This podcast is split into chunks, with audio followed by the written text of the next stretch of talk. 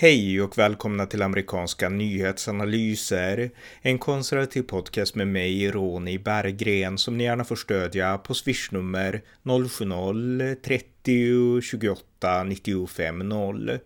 Med anledning av att detta är avsnitt 1776 ämnar jag göra det oundvikliga, nämligen inleda en poddserie om den amerikanska revolutionen med dess självständighetsförklaring från 1776. Den revolution som tände ett fyrtorn av upplysning i världshistorien. Så varmt välkomna till att hänga med på denna introduktion till det amerikanska frihetskriget. Ja, idag så tänkte jag prata om ett ämne som alla som är intresserade av USA, oavsett om det är amerikansk historia eller amerikansk dagspolitik, gör mycket gott i att sätta sig in i, nämligen den amerikanska revolutionen eller det amerikanska frihetskriget 1776. Och eh, i praktiken så utspelades det här kriget mellan 1775 och 1783. Men det var år 1776 som amerikanerna förklarade sig självständiga, avhängiga från det brittiska imperiet genom min favoritfilosof Thomas Jeffersons självständighetsdeklaration eh, den 4 juli 1776. Så det tänkte jag prata om och jag tänkte göra det eftersom det passar ju väldigt bra med att det här är poddavsnitt då, 1776. Och eh, den här revolutionen i USA, den amerikanska revolutionen, den är också levande på ett sätt som det, som det är viktigt att förstå eh, om man vill förstå vikten, behovet av att verkligen sätta sig in i vad som hände under de här åren. Därför att eh, USA idag bygger på det som hände i den amerikanska revolutionen. Direkt efter frihetskriget så skapade amerikanerna en konstitution, den amerikanska konstitutionen, som fortfarande gäller, som fortfarande är landets grundlag, som alla domstolar utgår ifrån och eh, författningsfäderna, som de kallades, de som utkämpade frihetskrig mot britterna, de som skrev konstitutionen, de som satt de normerande liksom normerna och reglerna för hur nationen ska funka, de hänvisar man ju till fortfarande. Man pratar om författningsfäderna, man pratar om George Washington, man pratar om Thomas Jefferson, var och varannan amerikansk gata heter något med Jefferson eller Washington och så vidare. Och eh, Liberty och allt det här. Så att eh, USA är ett land där revolutionen fortfarande lever. Och det är någonting som är väldigt unikt i historien. Eh, USA är ju långt ifrån det första landet som har gått igenom en revolution eller fötts ur en revolution. Men de flesta revolutionära nationer, de finns inte längre. De finns en kort tid, sen så försvinner de igen. Och eh, ett exempel på det, det är den franska revolutionen 1789. Det var en revolution för frihet och demokrati, men den vart snabbt kapad av totalitära krafter. Och dagens Frankrike, även om man i viss mån spårar upplysningen till den tiden, så är ju dagens Frankrike inte liksom byggt på liksom samma principer som fanns efter den franska revolutionen. Ryssland hade ett ännu bättre exempel. Den ryska revolutionen 1917, de två revolutionerna, de banade väg för kommunismen. Att kommunismen tog över som statsideologi i Sovjetunionen. Och eh, det här var eh, idéer som upprätthölls ända tills början av 1990-talet i nästan 80 år eh, som är liksom statsideologi för Sovjetunionen. Men sen rasade det samman därför att Sovjetunionen var inte en demokrati och eh, ja, olika faktorer, systemet fungerade inte. Och även om dagens Ryssland är auktoritärt, det har ju återigen blivit det under Putin, så är dagens Ryssland likväl inte samma idéfundament som det var 1917. Så att eh, Ryssland idag är inte den här revolutionära, den är inte född ur en revolution på samma sätt som kommunismen var. Eh, Medan USA däremot är fortfarande samma nation som föddes där 1776. Och det är någonting som jag tror att de flesta inte tänker på. Att USA verkligen är fött ur en revolution och det arvet lever fortfarande. Det är liksom ingen större skillnad. Utvecklingen har gått framåt, men i det fundamentet är likadant.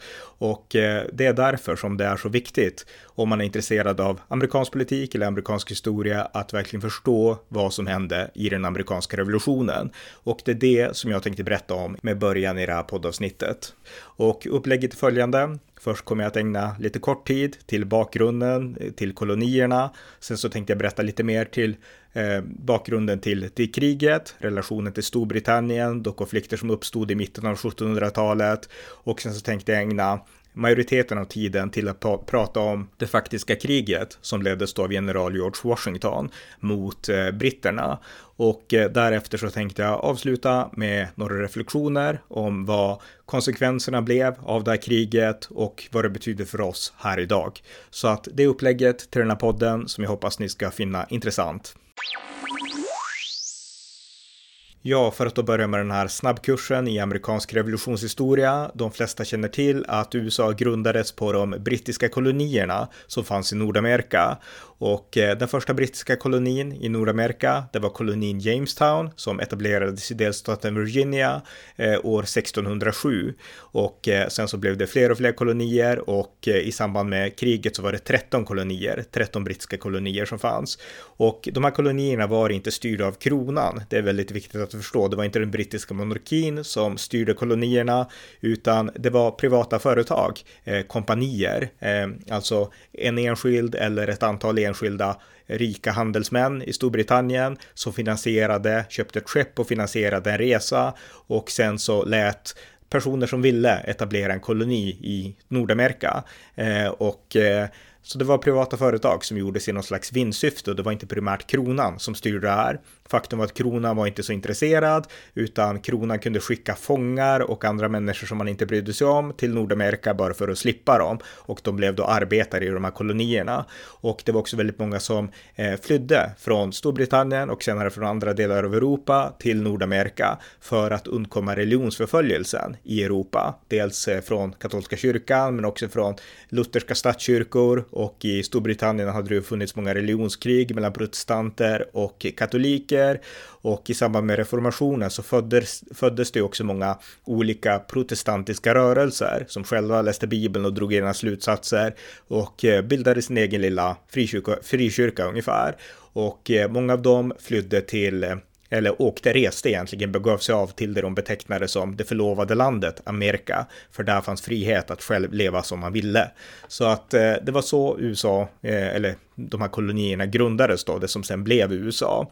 Och eh, människorna som kom till Nordamerika, de byggde upp samhällen som vart eh, eh individualistiska, med betoning på privat ägande och det finns ju många nidbilder av de här kolonierna. Alltså i populärkulturen så betonar man gärna häxbränningarna, de här häxbränningarna i Salem, eh, Salem och eh, så.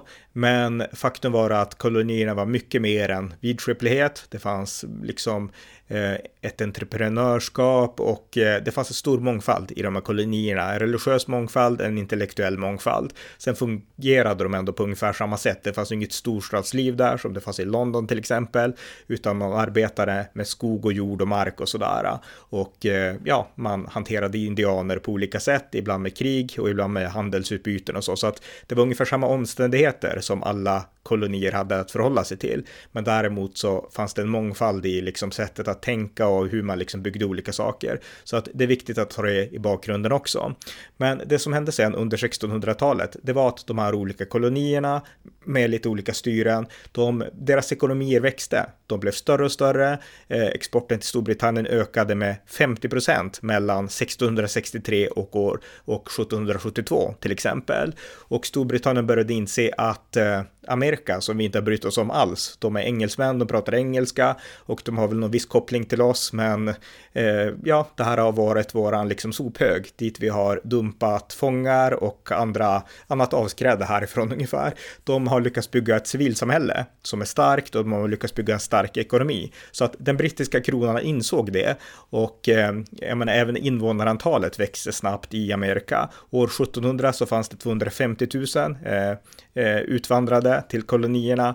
År 1763 var det 2 miljoner. Så att det här var en växande ekonomi, eh, de engelska kolonierna i Nordamerika. Och eh, när kronan, den brittiska monarkin, insåg det, då insåg man också att eh, det här är eh, eh, kolonier som vi gärna vill ha lite mer kontroll över. Och britterna började nu stifta lagar i förhållande till de här kolonierna. Det hade inte funnits tidigare på samma sätt. 1660 så stiftade det brittiska parlamentet The Navigation Act eh, som bestämde att export till Amerika bara fick utföras med brittiska fartyg. Eh, 1699 så kom The Wool Act, eh, alltså ullgarnakten, eh, som förbjöd dumpning av amerikansk, eh, amerikansk ull på brittiska marknader. Eh, 1733 så kom det Molasses Act som förbjöd import av socker och så eh, till Amerika eh, från eh, icke-brittiska producenter och så vidare. Och det kom olika lagar liksom gång på gång under 1700-talet framför allt, eh, slutet av 1600 och till mitten av 1700-talet som allt mer ville knyta de här kolonierna till just det specifikt brittiska. Och eh, det här var någonting som till en början gick väldigt bra, därför att eh, de som bodde i Nordamerika, engelsmännen, de var ju i grund och botten engelsmän. Den litteraturen läst, de läste, det var engelsk litteratur, det språk de pratade var engelska och eh, de var stolta över att eh, ha sitt ursprung i Storbritannien, för Storbritannien var det stora imperiet. Det hade ju funnits konkurrens från alltså britterna mot spanjorerna, spanjorerna hade börjat tyna bort och eh, eh Frankrike var den primära liksom, motståndaren och britterna hade utkämpat många krig med Frankrike, inte minst i Nordamerika. Och eh, de amerikanska kolonierna, de engelska kolonialisterna i Nordamerika, de kände att Storbritannien är vårt land. Så att i viss mån så störde man sig inte så extremt mycket på de här övergripande besluten som britterna fattade gällande handel och liknande, för att man var så stolta över att man var ändå engelsmän. Eh, även plantageägarna i södern som hade pengar. De skickade sina barn till skolor i England, i London och eh, man köpte brittisk porslin och man importerade brittisk sed, brittiska seder och försökte egentligen, i synnerhet i södern, imitera den här brittiska aristokratin som var naturlig i Storbritannien, men som man på något sätt fick lära in i, i Nordamerika. Det är ganska intressant. Så att det fanns liksom en stolthet av det, över det engelska i alla de här kolonierna på ett sätt. Och eh, det gällde i synnerhet i mitten av 1700-talet, därför att de här som hade utvandrat från England till exempel och från Europa eh, på 1600-talet eh, efter reformationen, de avskydde ju England och sina moderländer, utan de ville till ett nytt förlovat land och skapa något helt nytt, därför att de hade ofta blivit förföljda hemma i Europa. Eh, de som växte upp senare, tre generationer senare ungefär, i mitten av 1700-talet, de hade inga minnen av förföljelse, utan de läste bara de brittiska skrifterna och eh, tyckte att Storbritannien var ett häftigt land och det är vårat land ungefär. Så att eh, det fanns med. Och ingen personifierade detta bättre än Benjamin Franklin, en av USAs främsta tänkare och en känd man i vetenskapshistorien. Det var han som gjorde det här experimentet med draken i luften som han liksom hissade upp då, en liksom segeldrake och blixten som slog ner när han insåg att liksom elektricitet är intressant ungefär.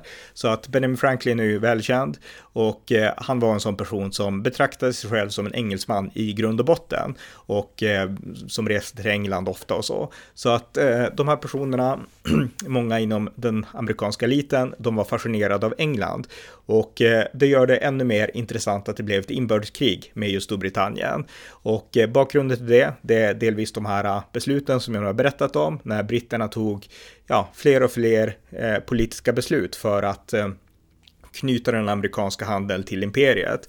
Men den speciellt utlösande faktorn, det var det krig som kallas det fransk-indianska kriget eller det sjuåriga kriget mellan 1754 och 1763.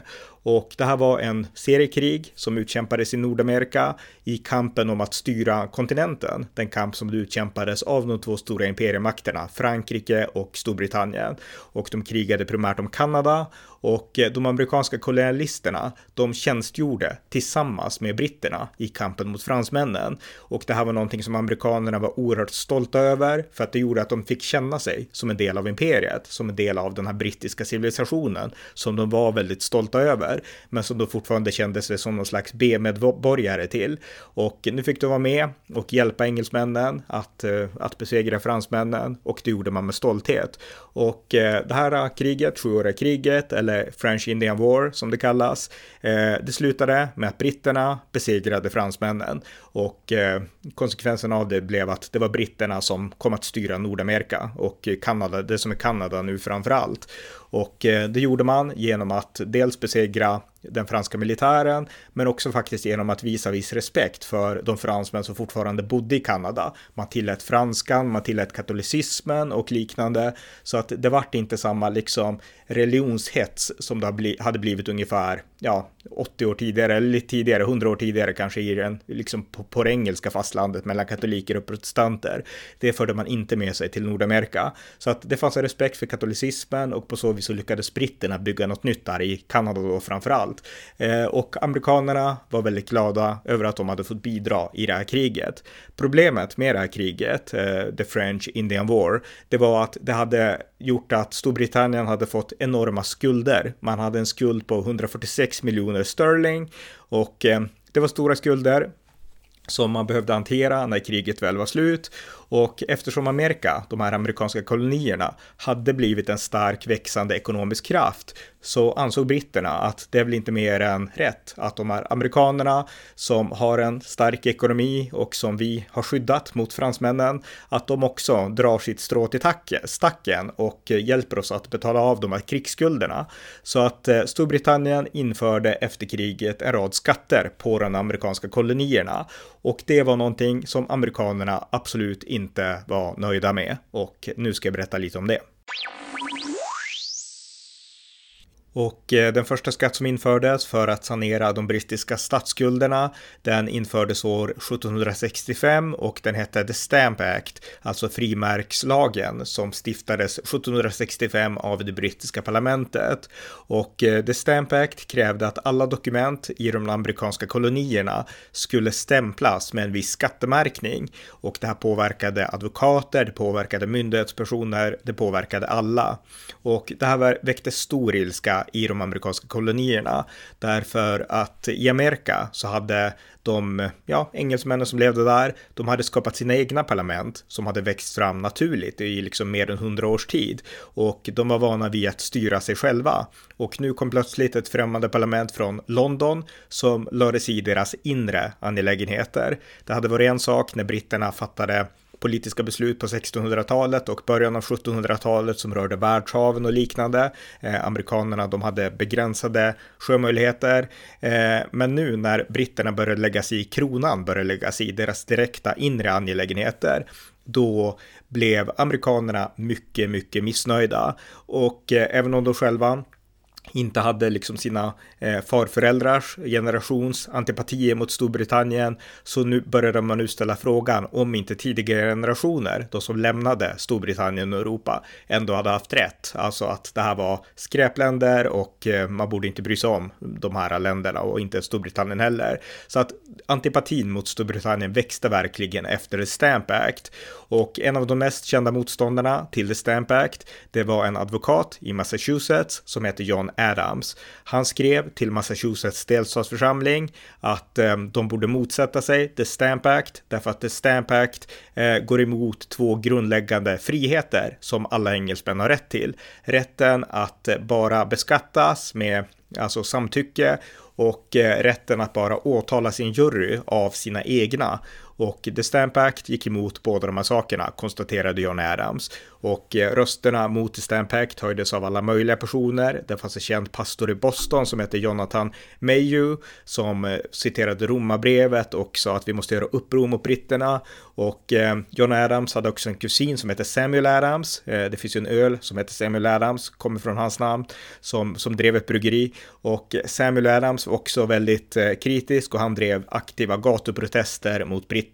Och eh, det fanns ju då i kolonierna brittiska soldater som hade sina härbärgeringar i, i kolonierna på grund av krigen mot fransmännen och kronan fanns i viss mån i liksom representerad ändå i, i kolonierna, även om det inte var så storskaligt just vid den tiden. Men proteströrelserna, de växte fram. Det kom en rörelse som heter Sons of Liberty som också gjorde hetska liksom gatuprotester mot The Stamp Act och eh, 1776 så beslöt britterna att backa. De avskaffade The Stamp Act för de såg att det här väcker för mycket oro. Så britterna sökte egentligen inte konfrontation, det kan man ändå betona. Eh, och eh, så. Men däremot så sa britterna, okej, okay, vi tar bort The Stamp Act för ni är inte nöjda, men vi har rätten att liksom beskatta er ungefär, fastslog man ändå, ni är våra undersåtar, liksom fastslogs i liksom de brittiska dokumenten. Men det var amerikanerna inte heller nöjda med och Sons of Liberty, de hade ett motto, no, tax no taxation without representation, alltså ingen beskattning utan representation, det var deras motto. Så att eh, amerikanerna var inte nöjda och eh, protesterna fortsatte. Och eh, ilskan i, i Amerika, i Massachusetts inte minst, växte mot britterna. Och det ska komma sig ihåg att de här brittiska soldaterna, det var liksom oftast inte elitsoldater, utan det var unga pojkar, eh, medelåldern var 23 år, många kom från Irland, många kom från Wales, Skottland och så vidare. Och eh, de var bara stationerade på sina posteringar egentligen. Så att de eh, drev inte liksom någon hetsk jakt på amerikaner utan de fanns på sina stationer. Men en incident hände den 5 mars 1770.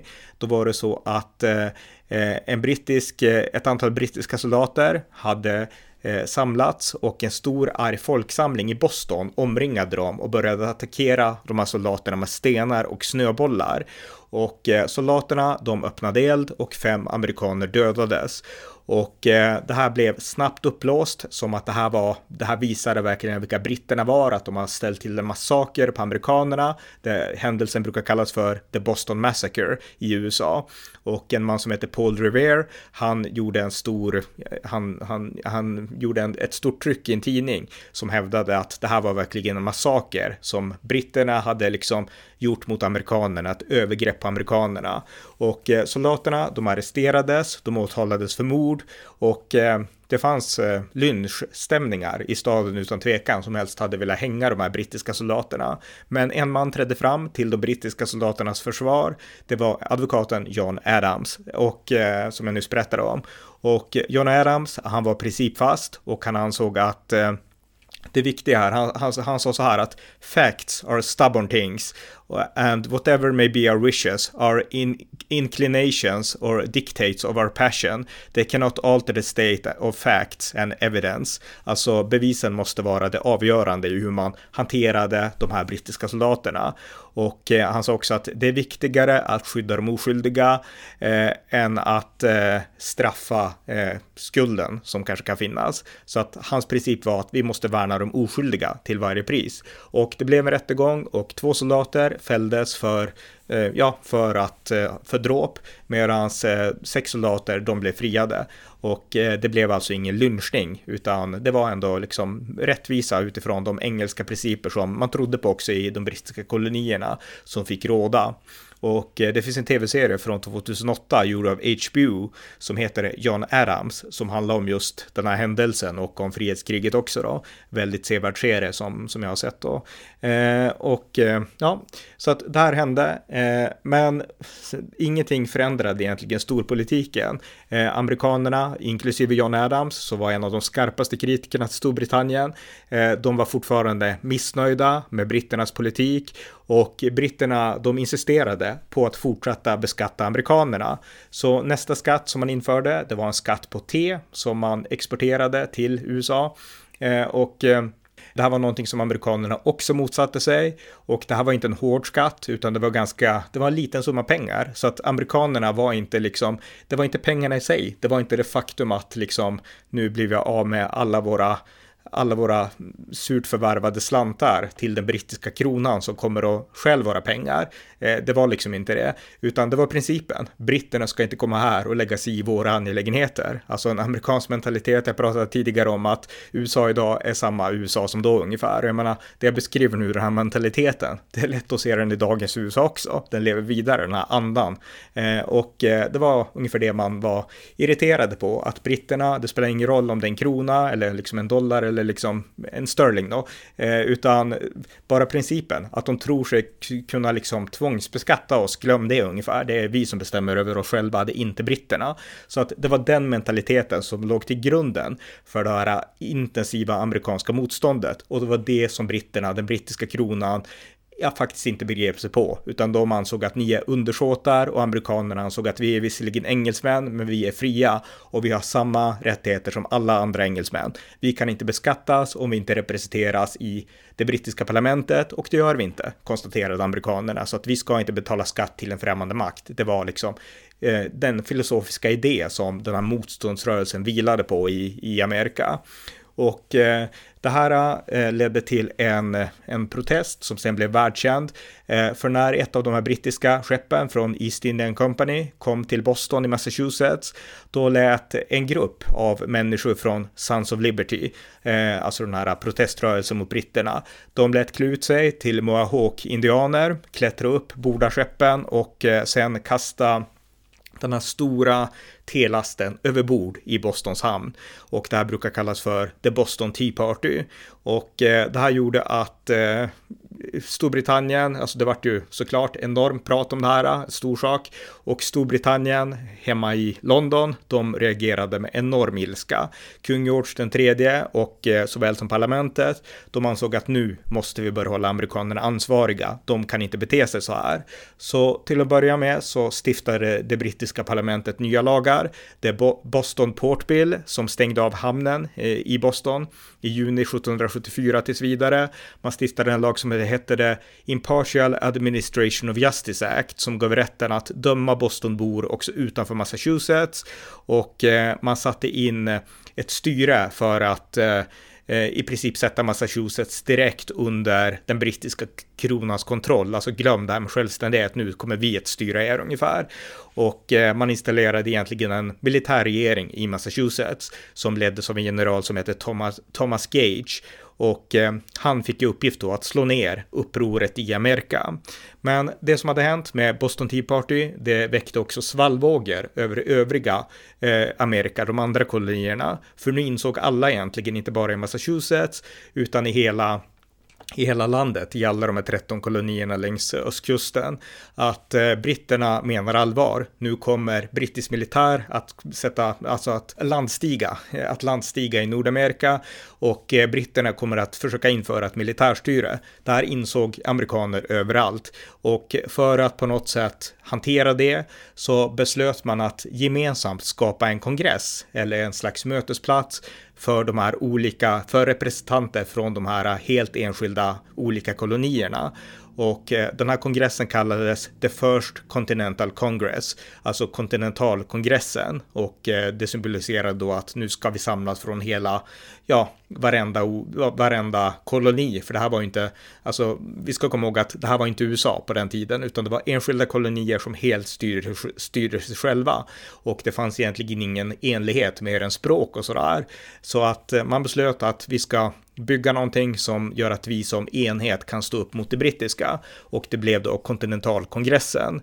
Och eh, vid den här tiden så blev liksom ledande aktör efter en annan allt mer övertygade om att britterna försöker förslava Amerika. Det var liksom det som genomgöd egentligen alla de här kolonierna nu. Och eh, i Virginia så eh, Eh, röstade man för en resolution eh, för att alla kolonier skulle liksom samlas och eh, det blev så i delstat efter delstat. Och eh, man ställde krav på kung George den tredje i Storbritannien eh, att eh, att eh, man skulle få styra sig själva. Men kung George har meddelat att nu är tärningen kastad, kolonierna, de måste underkasta sig, annars får ni möta brittiska soldater på slagfältet. Så att konflikten blev väldigt snabbt eh, eskalerad och eh, en konfrontation blev i princip omöjlig att undvika. Och nu kommer vi in på själva kriget. Storbritanniens regering och kung George III beslöt i början av 1775 att stämpla Massachusetts som en koloni i uppror och därför tillsattes ett brittiskt militärstyre över Massachusetts under ledning av den brittiske generalen Thomas Gage som hade sitt huvudsäte och sin garnison med 3000 soldater i Boston.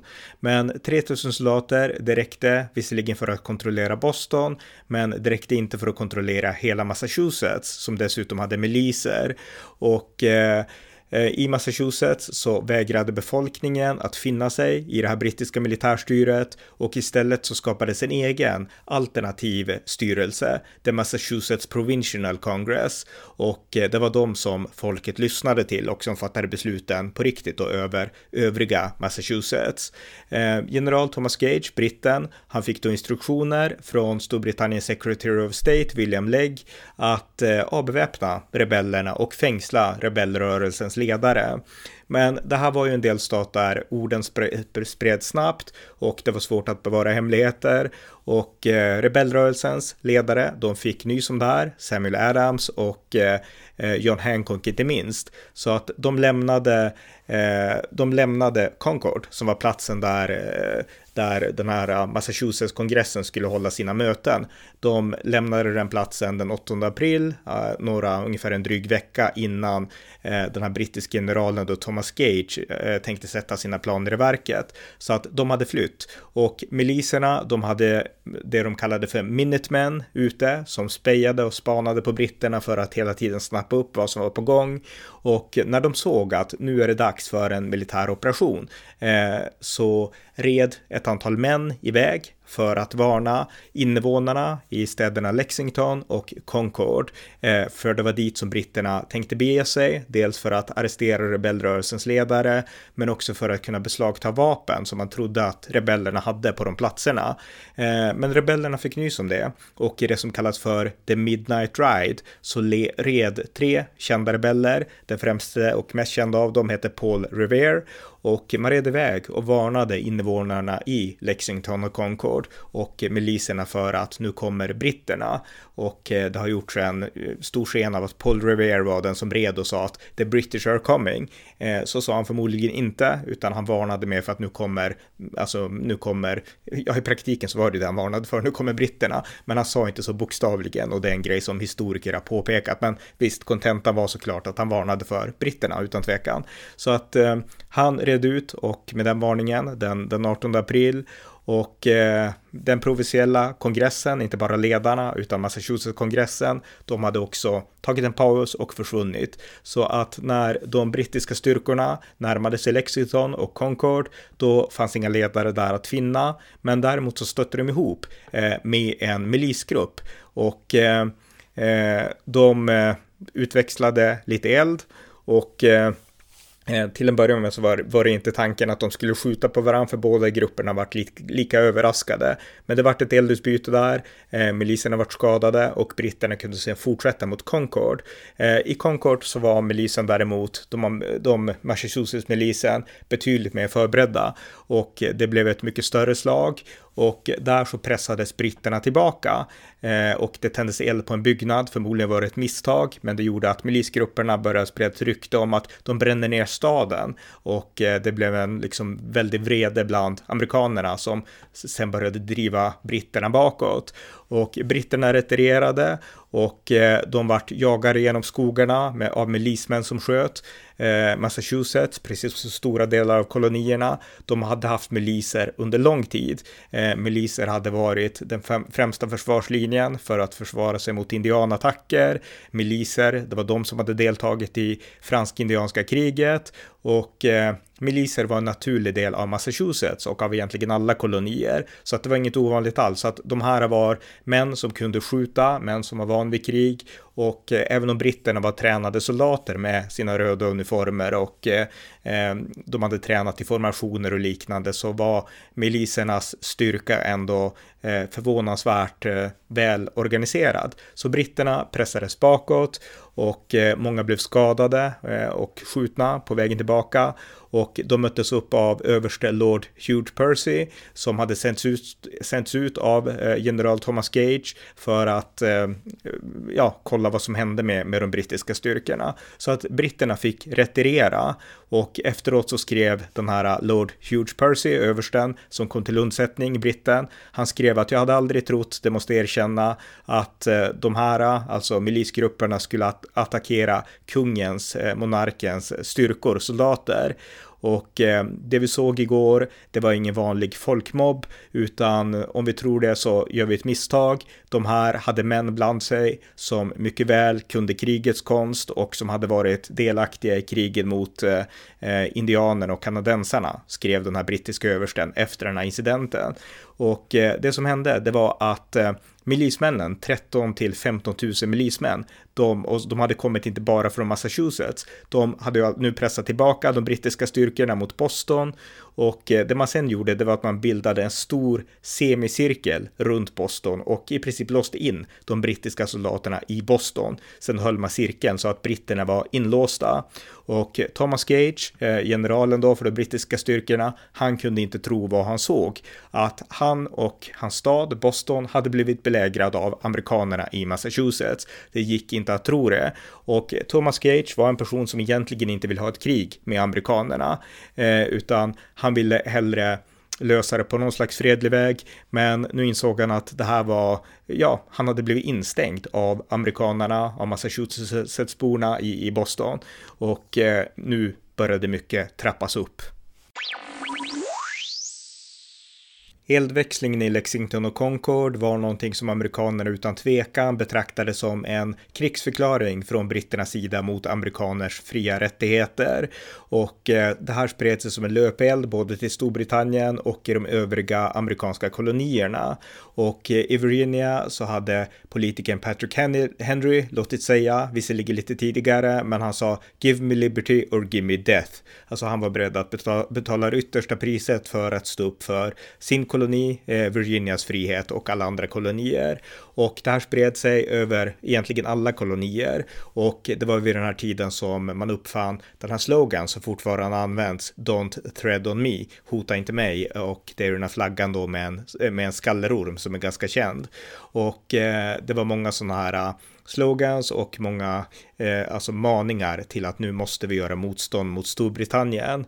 Och eh, The Continental Congress, kontinentalkongressen som hade samlats 1774 eh, efter Boston Tea Party, nu lät de samlas igen efter det som hade hänt i Lexington och Concord. Och de samlades den 10 maj 1775 i Philadelphia i delstaten Pennsylvania. Och eh, på den här eh, andra kontinentalkongressen så beslöt man sig för att bilda en armé, en kontinentalarmé och eh, ledaren, befälhavaren för den armén, eh, utsåg man i juni 1775 och det blev George Washington.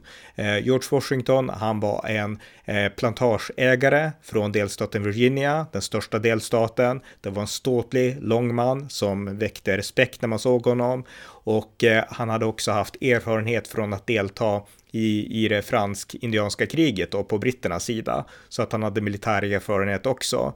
Eh, han var gift med sin hustru Martha och eh, hans gods hette Mount Vernon och eh, han eh, odlade också tobak på sitt eget jordbruk som han sålde till, till britterna. Och han hade blivit mycket bekymrad och upprörd över The Stamp Act som jag berättade om tidigare. Och eh, allt mer kommit fram till att eh, britterna, de ville verkligen förtrycka amerikanerna, de amerikanska kolonierna. Och eh, han var också en delegat på, eh, från Virginia då, på den första kontinentalkongressen 1774 och eh, nu när han kom till den andra kontinentalkongressen, då hade han med sig sin militäruniform som han hade lagt på hyllan sedan eh, fransk-indianska kriget var slut. Men nu hade han med sig den som för att markera att nu går vi in i en ny tid. Och han, George Washington, han valdes då till ledare och överbefälhavare för eh, de samlade koloniernas kontinentalarmé.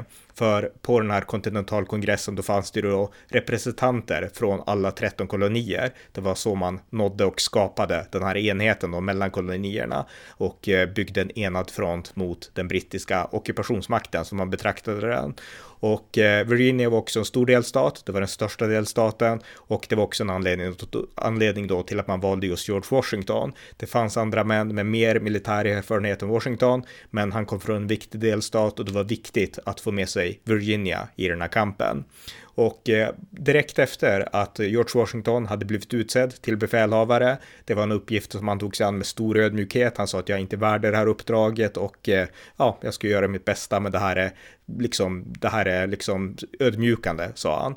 Men direkt efteråt, då begav han sig till Boston, därför att där var det ju då den här belägringen av de eh, Massachusetts-miliserna som belägrade Boston och belägrade den brittiske generalen Thomas Gage och eh, George Washington, han red dit för att hjälpa till att styra upp. Och när han kom fram till Boston och den här belägringen så insåg han att av många av de här männen, miliserna, de hade ingen militär erfarenhet. Vissa enskilda hade det, men det fanns också många som inte hade det. Och milisernas stora svaghet, det är att de inte har någon storskalig organisation, utan det är små grupper som är vana att samarbeta tillsammans, men de är inte vana med de här stora formationerna. Och om man är omkring 10 000 personer så behöver man kunna formera sig på ett mycket större eh, och strukturellt sätt än vad miliserna klarar av. Det insåg George Washington väldigt snabbt. Och eh, han insåg också att eh, Boston hade ju en hamn och eh, förmodligen så skulle eh, så, fler soldater skickas dit. Britterna skulle komma med undsättning och Eh, Eh, man hade, ja, eh, man liksom gjorde upp de taktiska planerna och det gjordes även av Thomas Gage, den brittiska generalen inne i Boston. Och eh, han övervägde om man skulle gå ut och konfrontera miliserna. Till en början så ville han inte det, men det ena ledde till det andra, många detaljer här som jag hoppar över, men det slutade i alla fall med att Thomas Gage gick ut eh, eh, under ledning av sin general Sir Henry Clinton och eh, slog till mot amerikanerna som vi nu kan kalla eh, den andra sidan av patrioterna. Eh, och eh, han slog till mot dem och eh, det slutade med att eh, då fick Drossi tillbaka till en plats som har fått, eh, ja, det var egentligen en annan plats, men smeknamnet Bunkers Hill har ändå beskrivits för att beskriva eh, platsen där det blev ett riktigt slag mellan amerikanerna och de brittiska soldaterna. Och britterna förväntade sig att eh, amerikanerna skulle backa och att de skulle bli rädda, för britterna var väldigt, de var välrustade, de hade sina stora röda uniformer, de amerikanska miliserna, de kunde vara klädda i liksom lite hur som helst, i djurpälsar, i liksom allt möjligt, vissa kunde vara barfota, alltså det var helt, det här var bara vanligt folk som hade tagit upp vapen och som var arga på britterna, medan britterna var en militärstruktur, världens starkaste militär på den tiden. Och man trodde att eh, amerikanerna skulle bli rädda när de såg den här rödklädda armén och det var det man hoppades på. Men eh, amerikanerna, eh, de här miliserna runt Boston, de leddes av en man som hette Israel Putnam och han manade sina mannar att även om ni ser britterna så skjut inte för tidigt. Ni kommer att bli skrämda av deras uniformer, deras sätt att marschera, men stå stilla, se dem i vitögat och först när ni kan se dem i vitögat, vitögat, då ska ni trycka av. Och han lyckades förmå mannarna och miliserna att eh, inte bli skrämda, för det var oftast det som, som de blev. Men de blev inte det och när britterna kom när, nära så avlossade amerikanerna sina skott och eh, britterna föll ihop och många retirerade och blev skadade och började dra sig tillbaka. Sen sköt britterna tillbaka också och eh, de drog fram sina bajonetter och började marschera. Bajonetterna satt ju längst ut på musköterna och sen började man vandra. Och på den här tiden var det ju så att du hade en skottsalva i liksom en omgång, sen kunde du inte skjuta mer. Så att när amerikanerna hade skjutit första skottsalvan då, och britterna också, då sänkte britterna sina bajonetter och marscherade i formation mot miliserna som blev rädda och många flydde och lämnade Bunker Hill bakom sig och eh, eh, den här eh, som förde befälet, Israel Putnam, han lyckades inte liksom hålla ihop sina mannar och många amerikanska milismän blev nu dödade av britterna. Men britterna ville ändå inte följa med för långt därför att de hade också förlorat väldigt många man och de ville inte gå för långt bort från sin garnison för det här var ju ändå främmande mark i mångt och mycket. Det fanns många fler amerikaner än det fanns brittiska soldater och britterna hade förlorat 43 procent av sina soldater som hade gått ut i den här marschen vid Bunker Hill och eh, vissa dog och andra vart skadade, men i praktiken så var de oskadliggjorda och kunde inte fortsätta tjänstgöra.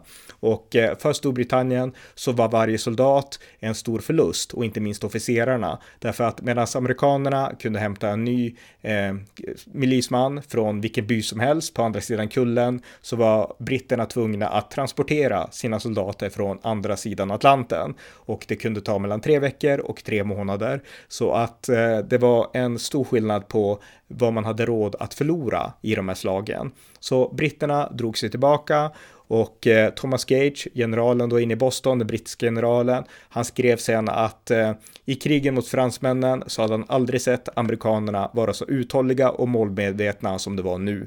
Så att eh, det växte fram en respekt bland britterna för de här amerikanska miliserna. Och eh, George Washington, han Eh, Eh, han, han såg, eh, han var stolt såklart, men han såg också att de här männen är ingen armé. Det var liksom en av Washingtons tydliga analyser. De bråkar ofta internt med miliserna och alla är arga på britterna utan tvekan, men de fixar inte att hålla sig enade, utan alla olika milisregementen, de är lojala främst mot, sitt, e, mot sin egen delstat och det är inte en enig armé. De är eniga i avsky mot britterna, men de är inte eniga, konstaterade George Washington. Och eh, det här var någonting som eh, han ville förändra, därför att det som behövdes, det var inte småhjältar, utan det var folk med tålamod och disciplin, alltså ansåg George Washington.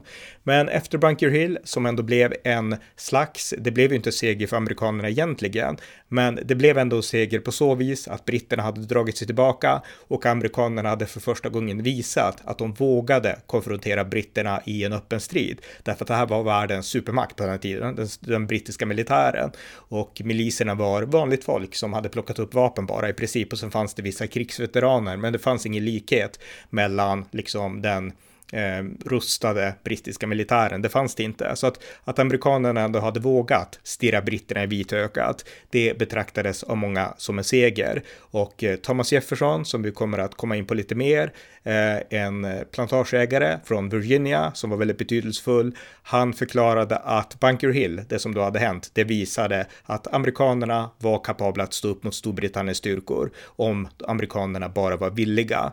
Och eh, The Continental Congress, de samlades igen efter den här händelsen. Och den 6 juli 1775 då skrev man en deklaration som Thomas Jefferson stod bakom främst som het, hette The Declaration of the Causes and Necessity of Taking Up Arms, alltså anledningarna och orsakerna till att ta upp vapen mot britterna.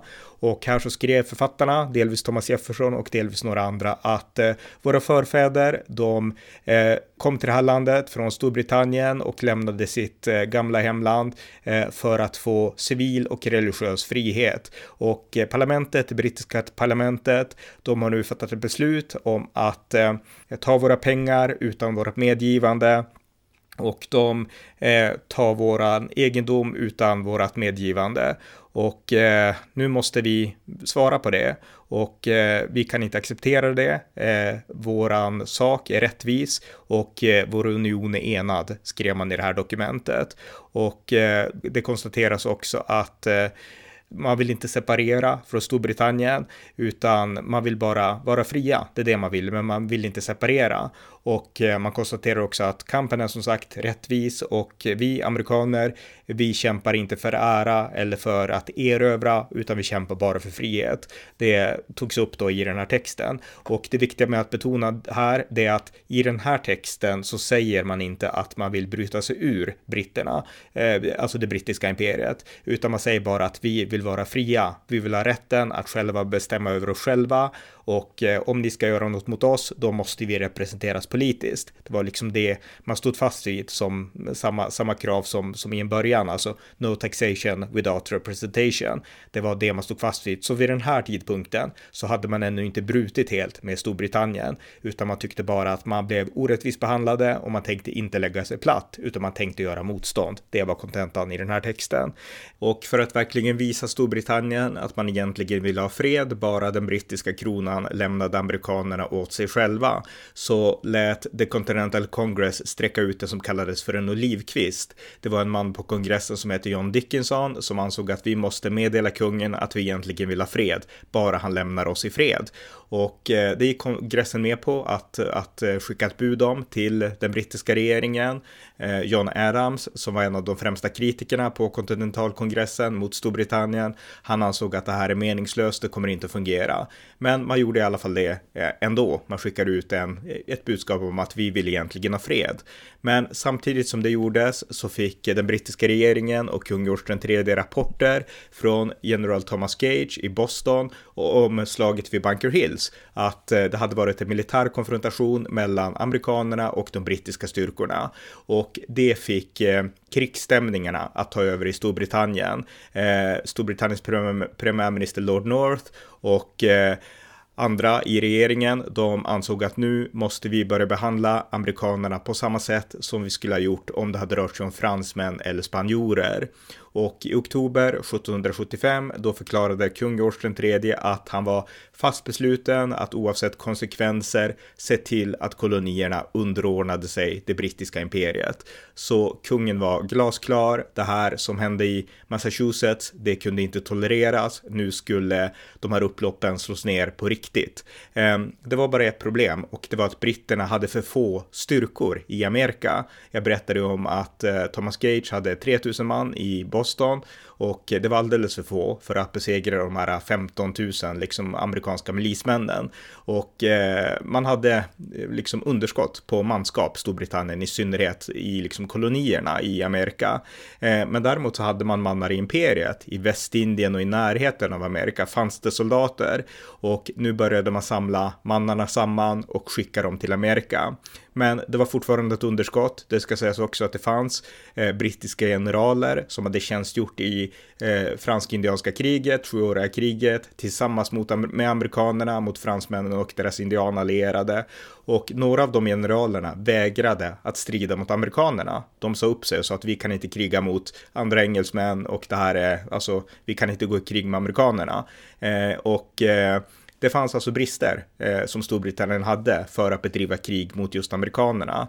Och ett sätt för att få soldater till det, det var att man också värvade tyska legosoldater från de här tyska furstedömena. Och det var det speciellt en grupp som hette Hesarer som, eh, som värvades av britterna och skickades i tusental till Amerika för att bekämpa eh, ja, de amerikanska patrioterna där. Så att det var så kung George tredje kunde värva manskap. Men fred blev det inte, utan nu trappades det upp mer och mer för ett riktigt krig. Och det här insåg man såklart i USA att eh, det här kommer inte funka. Och eh, George Washington, han hade tidigare manat eh, redan i september 1775 eh, kolonierna i Västindien, Bermuda och liknande att också vända sig mot britterna. Eh, och eh, Eh, han hade också manat eh, sin general Benedict Arnold, en man som ni kommer att få stifta mer bekantskap med lite senare, att eh, bygga upp en plan om hur USA skulle kunna ta Kanada från britternas eh, herravälde. Därför att Kanada hade vunnits av britterna från fransmännen under fransk-indianska kriget. Men nu när fransmännen inte längre var ett hot, då behövdes ingen storskalig militär i Kanada. Därför att det fanns ju inga stormakter i, i Kanada då, utan möjligtvis var det indianer man behövde skydda sig mot, men det fanns inga stora militära hot. Och det innebär att Kanada var väldigt glest eh, beväpnat och det fanns väldigt få eh, brittiska militärutposteringar och eh, det gjorde att eh, Washington såg sin chans. Vi kanske kan gå in och ge eh, britterna ett nederlag även i Kanada. Så tänkte George Washington och han skickade sin general Benedict Arnold för att fullborda det och gå in i Montreal och inta Quebec. Och det här gjorde Benedict Arnold med tusen man, men det misslyckades. Det gick inte och Benedict Arnold fick avbryta det uppdraget och vi kommer att komma tillbaks till honom lite senare. Men nu rådde det alltså krigsstämningar och eh, det insåg man också i Boston och där lät eh, general Thomas Gage till slut evakuera sig själv och sina soldater från Boston. Man lämnade Boston och eftersom britterna hade en flotta så kunde man evakueras med skepp och amerikanerna kunde inte göra så mycket åt det för amerikanerna hade ingen flotta att räkna med och absolut ingenting som kom i närheten av den brittiska flottan. Så att eh, de stationerade i Boston, de evakuerades till Halifax, Nova Scotia i Kanada och eh, där var de i mångt och mycket trygga mot amerikanerna och kunde omgruppera och smida nya planer. Och det var exakt det som gjordes. Efter kungens besked om att nu bedriva krig mot amerikanerna och betrakta dem som rebeller så lät två brittiska krigsskepp eh, ta sig fram till kuststaden Falmouth i Massachusetts, en stad som numera ligger i Maine och där förklarade kaptenen att eh, de hade kommit för att straffa staden för att staden hade bestått av många rebeller. Och därefter så började man i nio timmar bomba staden med kanoner och eh, 3000 projektiler slog ner i, i Falmouth under en enda dag och det var en projektil var elfte sekund, vilket ju är ett superrekord på, på den tiden alltså. Och staden den tändes eld och soldater gick in och brände ner hela staden och eh, det var fruktansvärt. Så att här började de brittiska straffexpeditionerna som man ansåg att man kunde göra mot kuststäderna. Men det var framförallt Falmouth som, som drabbades i det här skedet av kriget. Så att kriget var nu i full gång och i USA, i kolonierna, så växte stämningarna mot britterna ytterligare. Nu blev det allt mer högre krav på att eh, fred, det glöm det och vi måste bryta oss loss ur det brittiska imperiet. Och eh, om det kommer jag att berätta mer i nästa avsnitt i den här serien. Tack för att ni har lyssnat på amerikanska nyhetsanalyser. En podcast med syftet att förklara USA från den konservativa synvinkel som saknas här i Sverige. Podden drivs ideellt, men ni som har möjlighet får gärna stödja på swishnummer 070-30 28 95 0 eller via hemsidan usapool.blogspot.com på Paypal, Patreon eller bankkonto. Skänk också gärna en gåva till valfri Ukraina-insamling. Det utkämpar just nu sitt frihetskrig. Återigen, tack för att ni har lyssnat.